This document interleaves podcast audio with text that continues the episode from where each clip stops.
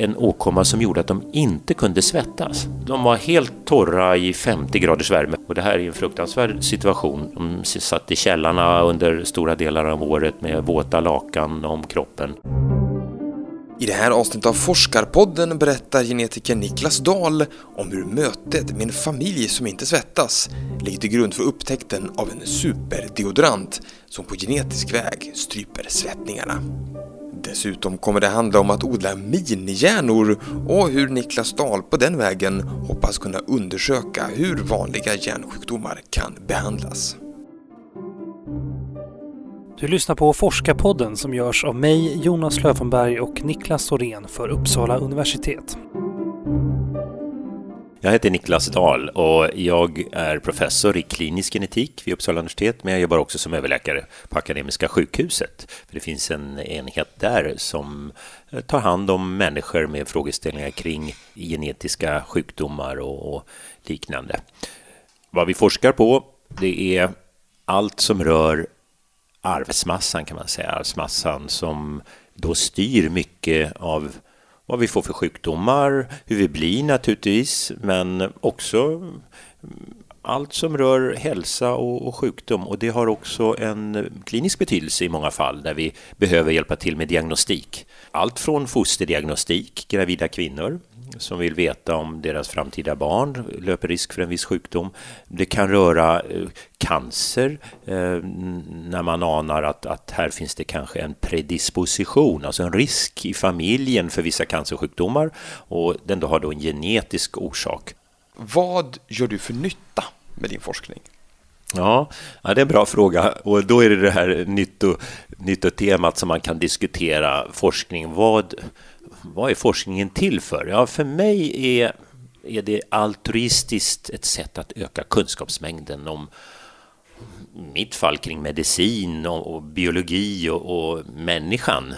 Men eh, totalt sett öka kunskapsmängden på, på ett helt, eh, helt altruistiskt sätt där man egentligen inte vet vad kunskapen ska användas till alla gånger. Jag tror att ett kortsiktigt nyttotänkande straffar sig alltid inom forskningen. Nu kan man i mitt område se väldigt, väldigt tydligt, eh, för att komma till din fråga, eh, det är en ganska kort väg många gånger från upptäckt till nytta. Jag menar om vi förstår hur arvsmassan funkar eh, och vissa anlag som ger en viss åkomma eller då kan vi använda den till exempel för diagnostik av antingen... Bota sjukdomar, alltså, eller ja, ja, ställa ja, det, det, är ju ett mycket enkelt och kort sätt ja. att översätta kunskap i, i, en medicinsk praxis från ena dagen till den andra. Men också på lång, lite längre sikt naturligtvis att det har betydelse för läkemedelsutveckling. För det du pratade om här i början, det är väl kanske det som man ofta kallar för grundforskning?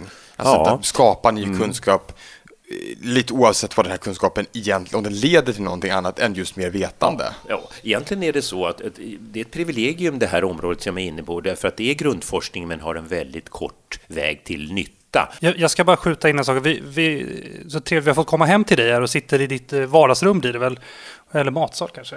Så om det är, och så har vi lite barn som, som springer omkring och skramlar här och det är väldigt trevligt. Så om vi hör något som skjuter in så är det dem. Mm. Ja, det ska man säga så lyssnarna förstår. Vi, eh, vi, eh, kan vi avslöja för lyssnarna att vi brukar ju prata med våra gäster innan vi dyker upp hemma hos dem. Ja, ja precis. Eh, och när, när vi pratades vidare så sa du till mig att eh, forskning inte är något yrke utan snarare en idé. Va, vad menar du med det? Ja, idé, det är ett sätt att leva lite granna och, och att fungera. Det är det är som, för att återkomma till vad jag sa, jag tror att, att för att bli en lyckad forskare och njuta av det och mm. i alla fall trivas någorlunda med det, för njut, det är inte njutbart alla gånger kan jag lugnt säga, även om jag trivs med det. Så, eh, så måste man ha en personlighet tror jag som passar in lite grann. Mm. Och det, det, finns många personlighetsdrag, man behöver inte vara stöpt på ett visst sätt, men man måste ha vissa personlighetsdrag. Man måste vara för det första väldigt uthållig. Man måste vara, vänja sig vid eh, tråkigheter, motgångar när det gäller eh, till exempel ekonomin och förutsätt, de yttre förutsättningarna som är, är ofta väldigt tuffa. Du måste också drivas av nyfikenhet. Du måste gilla att sträva efter någonting som du tycker är värt och, och viktigt.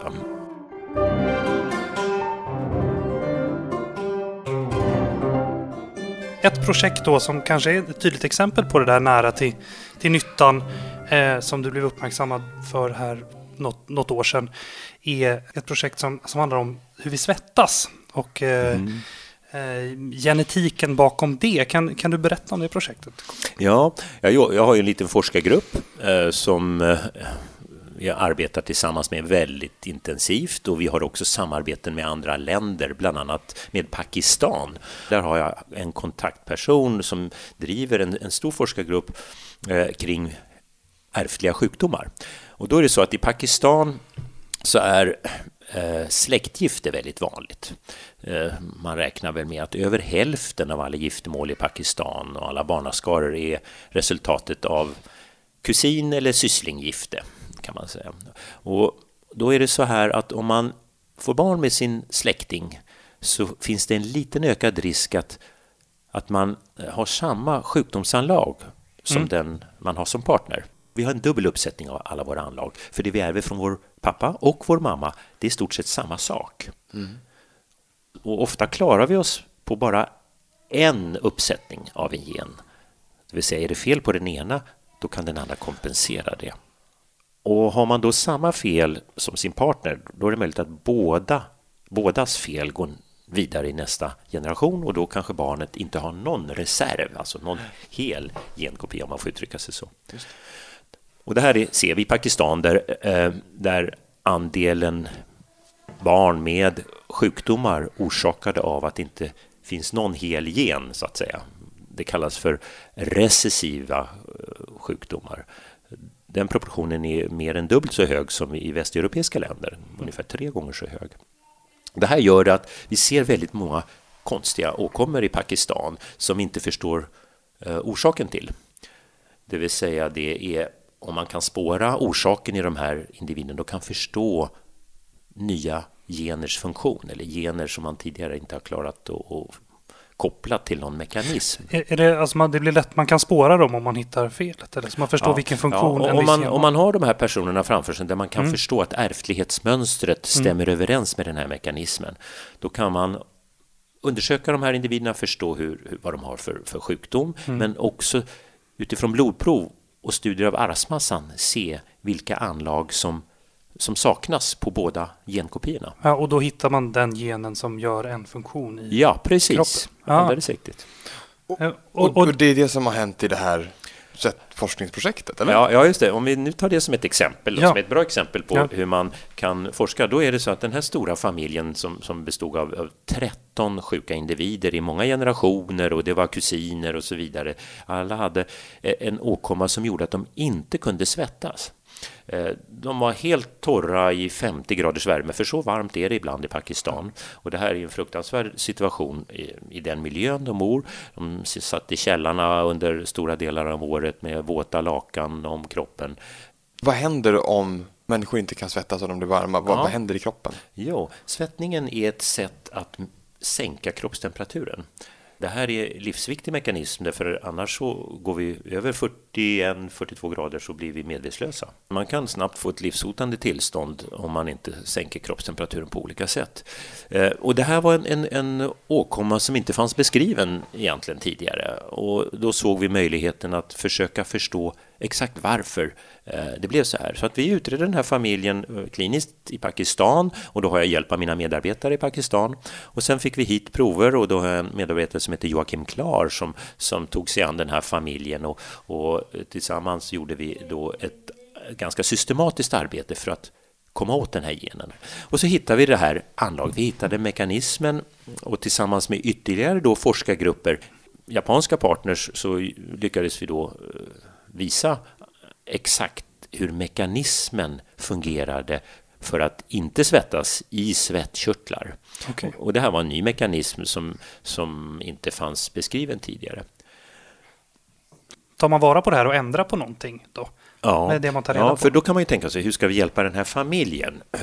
Och där förstod vi ju ganska tidigt att det är, finns inga bra uppslag för att den här familjen ska själva dra nytta av de här fynden.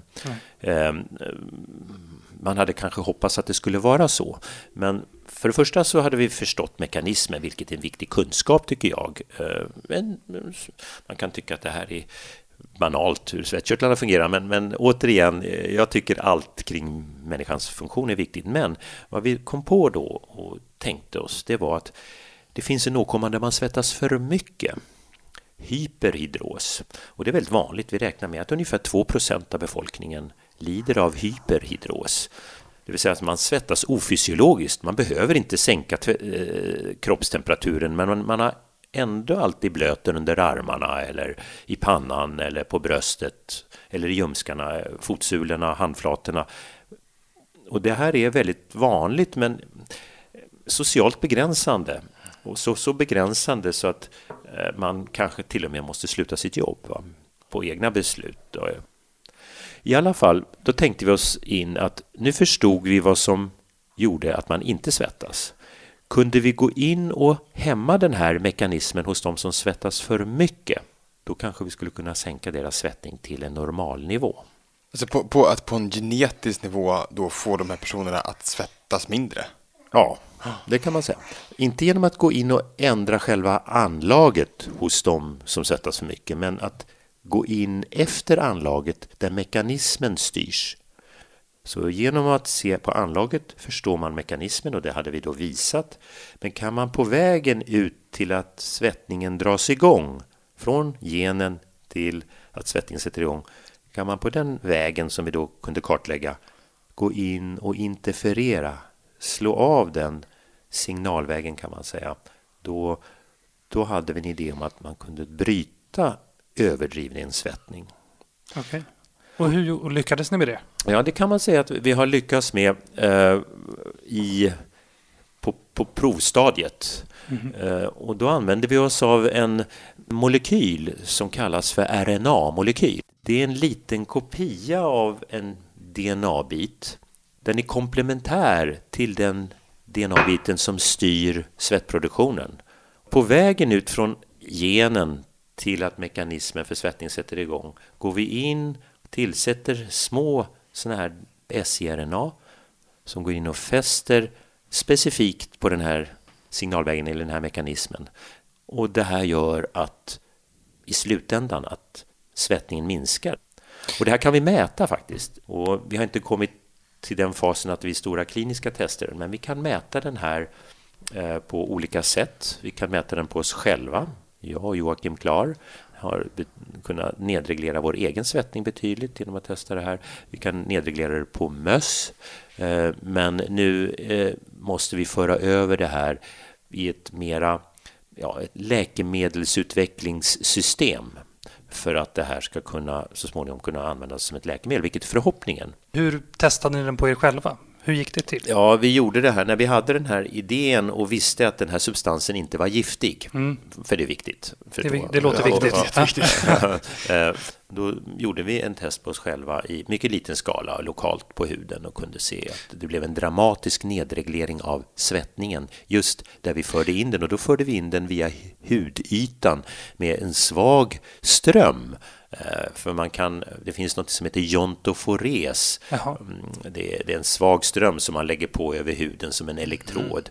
Mm. Mm. Och så kan man föra in den här då i yttre hudlagret och då mm, kunde vi se effekten av det här okay. väldigt dramatiskt. Och det här gav oss naturligtvis lite blodantand även om, om man inte får göra så här egentligen. Men det här var ett sätt för oss att övertyga oss om att det här det här är möjligt att driva vidare därför att det skulle kosta, det förstod vi, så mycket i ansträngning, arbetsinsats, försök att rekrytera kapital, att driva det här vidare så vi hade inte vågat annars. Mm. Okay. Eh, därför att inför en läkemedelsutvecklingsprocess som är kanske någonting som sträcker sig över ett, minst ett årtionde så vågade vi inte göra satsningen utan den här lilla egentesten vid sidan om att vi, vi naturligtvis har testat i djurmodeller i mus. Men vad spännande, sista frågan här, hur gick det för familjen? Tyvärr så är det så att i den här familjen kan vi inte hjälpa dem annat än att vi har ställt en diagnos på dem och erbjuder dem uppföljning, medicinska uppföljningar och, och hjälp. Du jobbar med en, en ny metod för att eh, kartlägga hjärnan och avvikelser i utvecklingen av den. Hur, hur går det till? Vad som intresserar mig väldigt mycket det är hjärnans utveckling. Eh, och det är en av de stora vita fälten när det gäller människans fysiologi. En bidragande anledning till att vi inte förstår så mycket av den det är att vi inte kan studera den. Vi kan inte ta prover från hjärnan som vi kan göra från blod eller lever eller hud eller något annat organ från människan. Varför inte då? Är det för känsligt? Eller? Ja, av etiska skäl. Ja, okej. Okay. Mm. Det, det, är väl knappast någon som skulle godkänna att, att lämna bort en bit av sin hjärna, i alla Nej. fall inte under livet. Nej, det, låter... det låter sådär. Ja, ja, det ska man nog vara försiktig med. Jag, jag, eh, skulle aldrig ställa upp på det själv Nej. och jag kan förstå de som inte gör det. Eh, jag har inte föresvävat med att fråga ens. Nej. men eh, men kunskapsmängden har varit begränsad bland annat på grund av att vi inte har modellsystem. Mm det finns ju djur att titta på, möss eller liknande, men mössen till exempel har väldigt annorlunda hjärna. Så vi kan inte använda musen som ett sätt eh, som för många andra sjukdomar när det gäller hjärnans utveckling. I alla fall så kom det för ungefär tio, knappt tio år sedan eh, en fantastisk upptäckt, eh, en japan som sen Nobelprisbelönades, Yamanaka hette han. Och han kom på att man kunde ta hudceller och backa upp de här cellerna till stamceller. Hur, hur gör man det då? Ja, en stamcell för det första, det är en ja. cell som kan bilda många olika sorters celler. Vårt ursprung är ju en stamcell. Befruktningsögonblicket mellan en äggcell och en spermie skapar då, kan man säga, stamcellen. Stamcellen som sen ska bli hos individen. Den här Yamanaka, han lyckades med en medarbetare backa upp differentierade celler, hudceller, till stamceller genom att tillsätta då vissa anlag i överskott som, som är väldigt viktiga på stamcellsnivån. Mm -hmm. och det kallas för transkriptionsfaktorer. Så några av de här transkriptionsfaktorerna kom man på att man kunde göra en cocktail av. Mm -hmm. Och utsätta cellen för i överdos. Och det gjorde att cellen då började känna sig mera som en stamcell och göra om sig själv till en stamcell. Mm. Okay. Sen kunde då vi använda den här metoden just till att skapa olika vävnader kan man säga, eller rättare mm. sagt celltyper i provröret. Och dit hör ju hjärnan.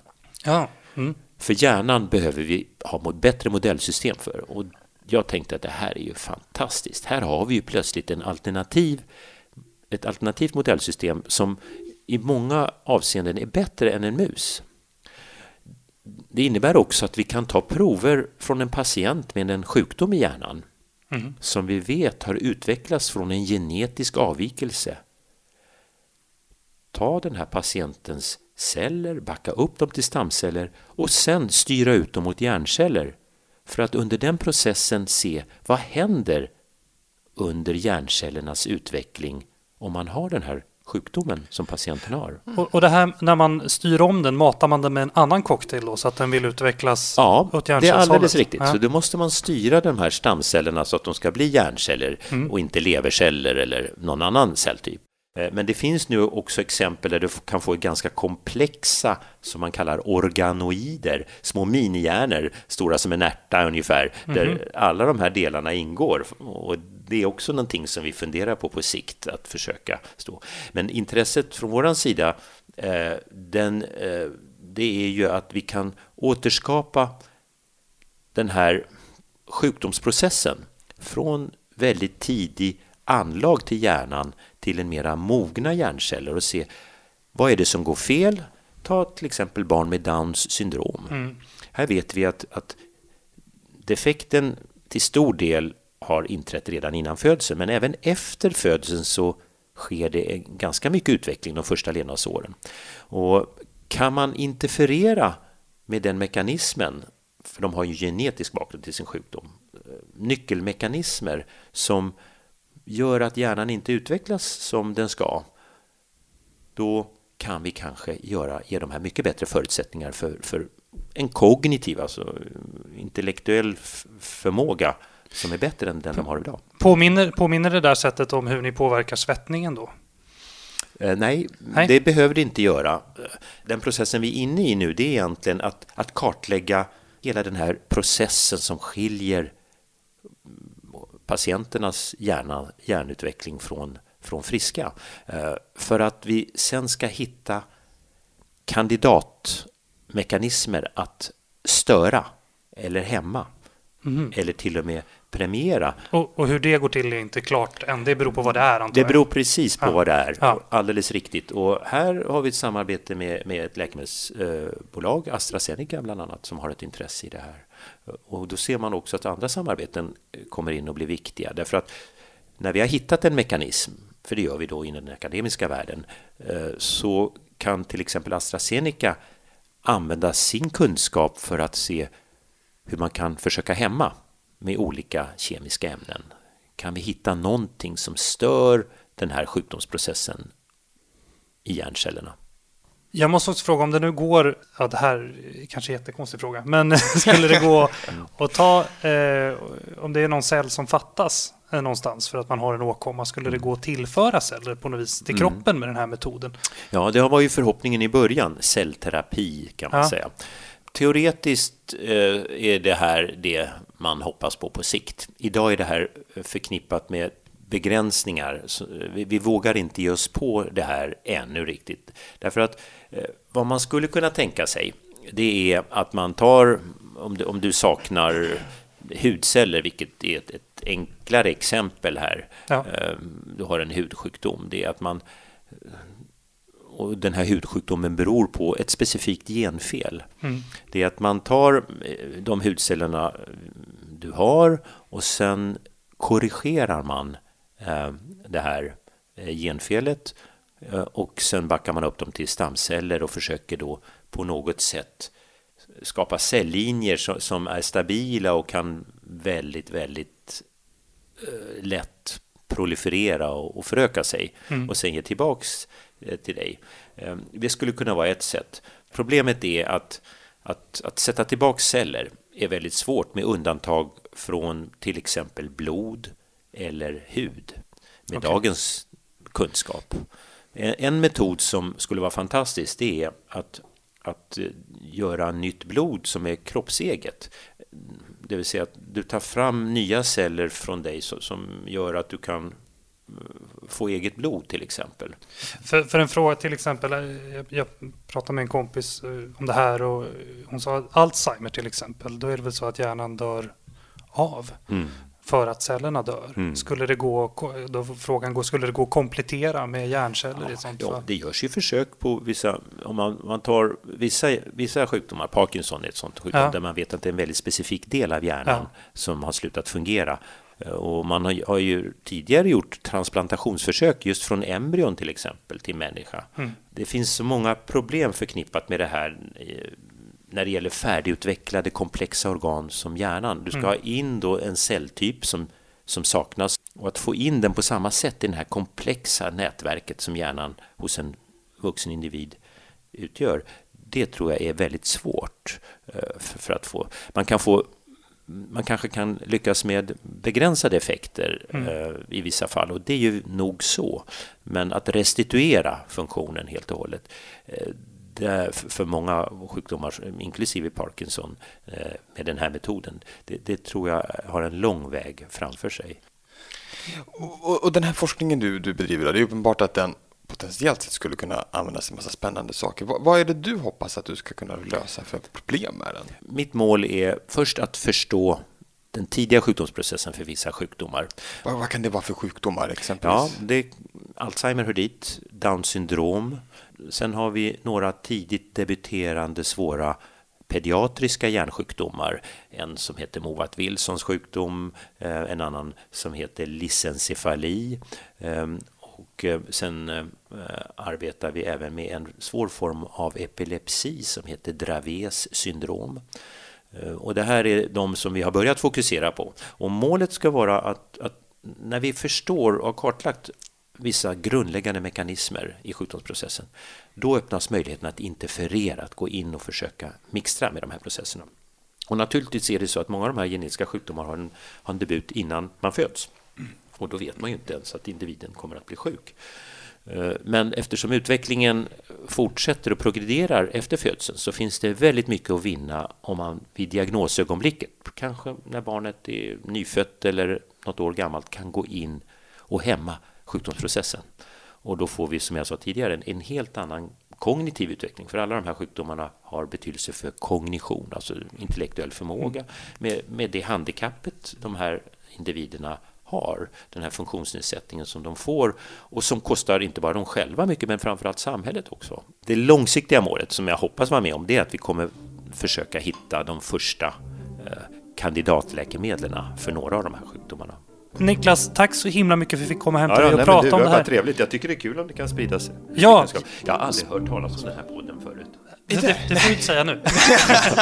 men, men vi får bara säga ett ordentligt tack. Tack så mycket för att vi fick komma och Ja. prata med dig. Tack, det var jättetrevligt att höra er. Bra. Du har hört Forskarpodden med Niklas Dahl, genetiker vid Uppsala universitet. Diskutera gärna avsnittet med oss och andra lyssnare. Använd hashtag forskarpodden för att komma i kontakt med oss. Och i nästa avsnitt av Forskarpodden blir det rodmadamer och fiskmånglare. Ja, du gissade rätt. Vi ska tillbaka till 1700-talets Stockholm och prata om hur kvinnor jobbade då tillsammans med historikern Sofia Ling. Du har hört Forskarpodden, en produktion av Piggelkott Media för Uppsala universitet med musik av Marcus Sjöblom.